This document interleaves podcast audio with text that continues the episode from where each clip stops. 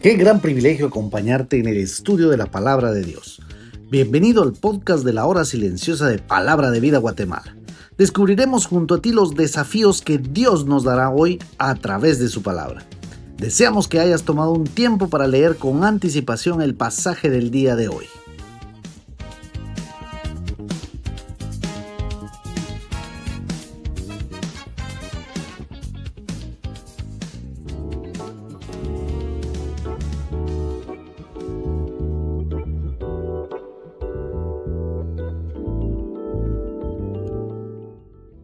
¿Cómo estás? Nuevamente te saluda Fernando Figueroa y en esta ocasión tengo la oportunidad de compartir el comentario de la hora silenciosa. Estamos concluyendo el capítulo 3 de la primera carta de Juan y si tienes tu Biblia a mano, acompáñame a leer el pasaje. Estoy leyendo en la nueva traducción viviente que dice lo siguiente. Si alguien tiene suficiente dinero para vivir bien y ve a un hermano en necesidad pero no le muestra compasión, ¿cómo puede estar el amor de Dios en esa persona? Queridos hijos, que nuestro amor no quede solo en palabras, mostremos la verdad por medio de nuestras acciones. Nuestras acciones demostrarán que pertenecemos a la verdad. Entonces estaremos confiados cuando estemos delante de Dios. Aún si nos sentimos culpables, Dios es superior a nuestros sentimientos y Él lo sabe todo. Queridos amigos, si no nos sentimos culpables, podemos acercarnos a Dios con plena confianza y recibiremos de Él todo lo que pidamos porque lo obedecemos y hacemos las cosas que le agradan. Y su mandamiento es el siguiente. Debemos creer en el nombre de su Hijo, Jesucristo, y amarnos unos a otros, así como Él nos lo ordenó. Los que obedecen los mandamientos de Dios permanecen en comunión con Él y Él permanece en comunión con ellos. Y sabemos que Él vive en nosotros, porque el Espíritu que nos dio vive en nosotros. Lo que Juan está tratando de enseñarnos es que el, el verdadero amor se demuestra con acciones.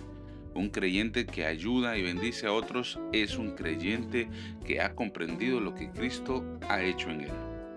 No estamos hablando de obras para salvación, estamos hablando de obras como resultado de la salvación que tenemos en Jesucristo. Para que lo comprendamos mejor, si tienes tu Biblia a la mano, acompáñame a leer Efesios capítulo 2 versículos 8 al 10, que dice lo siguiente, porque por gracia sois salvos por medio de la fe, y esto no de vosotros, pues es don de Dios, no por obras, para que nadie se gloríe porque somos hechura suya, creados en Cristo Jesús para buenas obras, las cuales Dios preparó de antemano para que anduviésemos en ellas. El apóstol Pablo también deja en claro que las obras o las buenas acciones no nos dan salvación. Pero el hecho de que no nos salven no significa que no sean importantes. Las buenas obras o buenas acciones son el resultado de un creyente que comprende lo que Cristo ha hecho por él. Dicho de otra manera, la mejor manera de mostrarle amor a Dios es mostrándole amor a un hermano en la fe. El amor de Dios sin duda no tiene límites. El amor de Dios va mucho más allá de lo que podemos comprender. Va incluso más allá de lo que nuestra misma conciencia nos dice que merecemos, porque somos conscientes de lo inmerecedores que somos del amor de Dios. ¿A quién no le gustaría recibir todo lo que le pidiera el Señor? No se trata de una búsqueda de Dios por conveniencia, sin embargo, el creyente voluntariamente renuncia a los beneficios de vivir en una relación cercana con el Señor, porque la persona que camina en la obediencia de la que Juan habla experimenta también la respuesta de Dios a sus oraciones. La clave de una oración respondida es entender que la respuesta a nuestras oraciones proviene del amor y la obediencia. Y estas dos provienen de la comunión cercana con el Señor.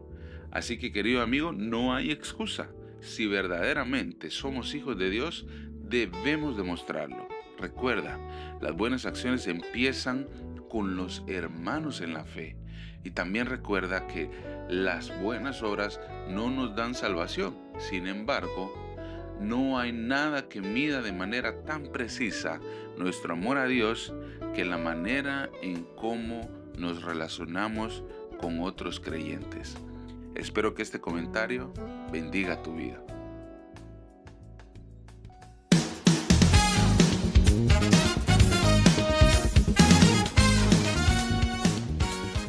Es emocionante saber los tesoros que Dios tiene en su palabra para nosotros.